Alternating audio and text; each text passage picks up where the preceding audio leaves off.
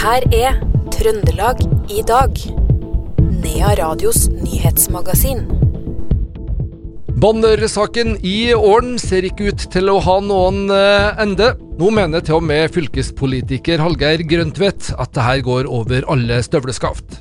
Og et av vårens aller vakreste eventyr foregår ved Elensetra ved Aursund i morgen. Dette er noe av det vi har å by på i Trøndelag i dag, fredag 16.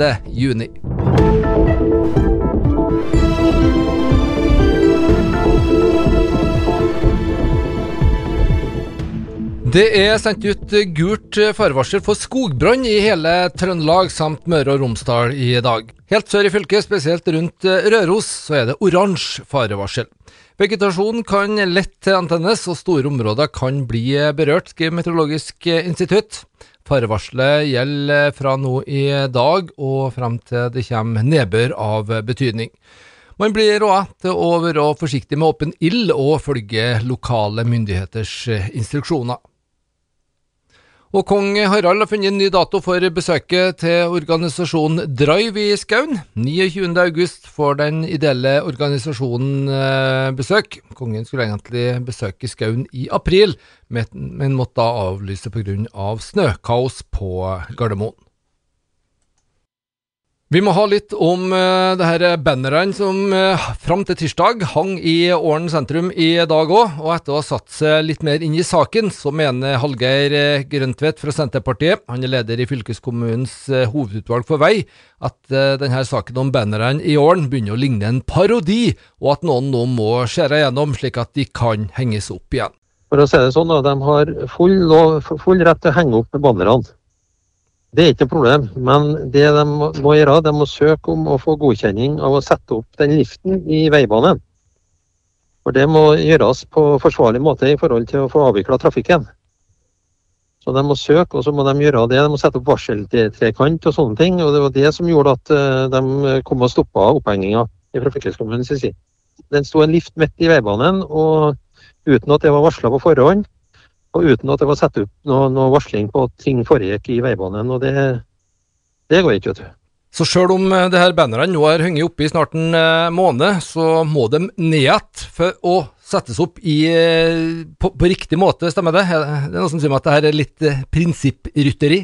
Nei, det er sånn som jeg har fått det fortalt, det, at de, de, de, de skal ikke ned igjen. Altså, hvis de har hengt opp, så det først, da skjønner ikke jeg hvorfor de skal ta det ned igjen. Men den måten de har gjort det på, som de reagerte på det, sånn som jeg forstått det. Ja, Men de har hengt oppe siden 17. mai, da, og helt frem til nå i tirsdag denne ja. uka?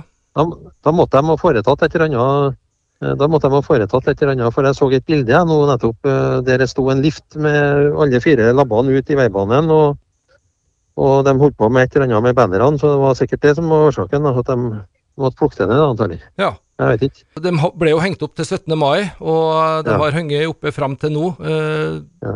Hva bør man gjøre nå for å lande det her, for det her begynner jo nesten å bli latterlig? Ja, det begynner å bli latterlig. Men det de, det de må gjøre, det er også hvis de, hvis de har fått beskjed om å ta ned bannerne igjen, og det har ikke jeg fått hørt om, uh, men, men, hvis de skal henge dem opp på nytt igjen, så må de uh, søke om å få lov til å sette opp en lift i veibanen.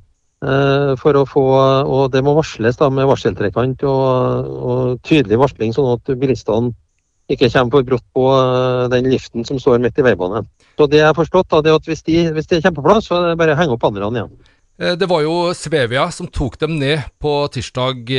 Da ble det gjort i riktige former. Hvis da bygdapreg hadde vært litt frampå og bedt dem etter at tatt dem ned, sette dem opp igjen, har det da gått i orden, ja. tror du? Det kan godt hende, ja. Det er mulig, det. Jeg begynner å bli parodi på dette her nå, syns jeg. Nå, nå må noen skjære gjennom og så få hengt opp de bannerne oppå der. Men da må det gjøres sånn som det skal gjøres.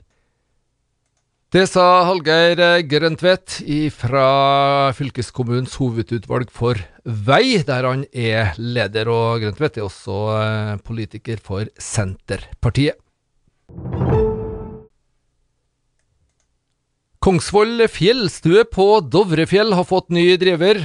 Reporter Per Ole Aalberg fra Radio E6 har besøkt eh, Stian Wold. Jeg tror det kommer til å bli en knallsommer. og det er klart Nå har vi hatt en overgangsperiode mellom eh, både kurs, konferanse og fritid, så det har vært en, eh, en travel juni. har det vært. Ja. ja. Eh, så hadde jo kanskje ikke vært planen at det skulle bli sånn at du skulle tre inn i stillinga her. Han som fikk egentlig jobben, han ville gjøre andre ting.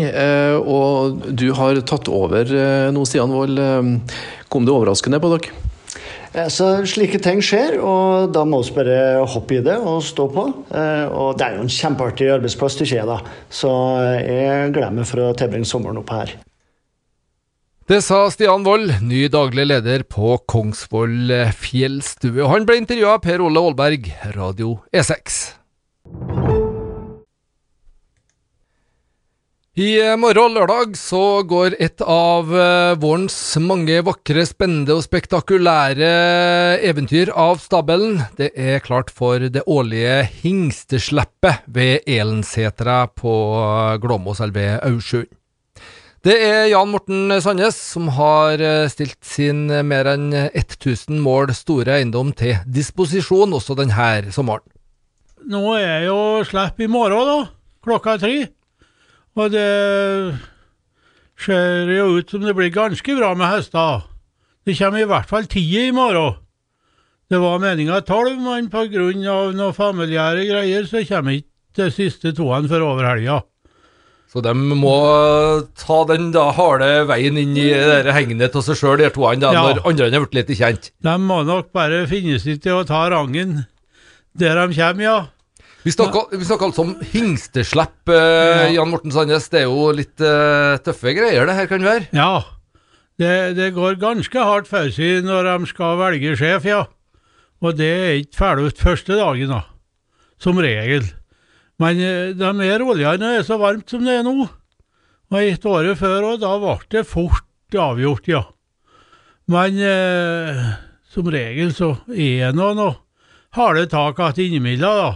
De er ikke helt enige med en gang. de skal krangle om ja. hvem som er sjefen, for det er viktig å være sjef. Ja, være, det blir sjef. Så er noen yngre der de kaster seg under andre med en gang, og finner seg til rette med det. Men eh, de som er to-tre år, da, de er litt hardere. Hvem skal være så om å gjøre å være sjef, da? Det er jo ikke mye damer oppi her, for å si det Nei, det er ikke noen damer, men eh, du vet, hest det er jo, det er jo flokkdyr. Og der i alle fleste flokkene skal være en leder. Og det blir ganske naturlig der, da. Det gjør det. Jan Morten Sandnes fra Elensetra der, altså. Hingsesleppet det starter klokka 15, og det er merka fra fylkesvei 30.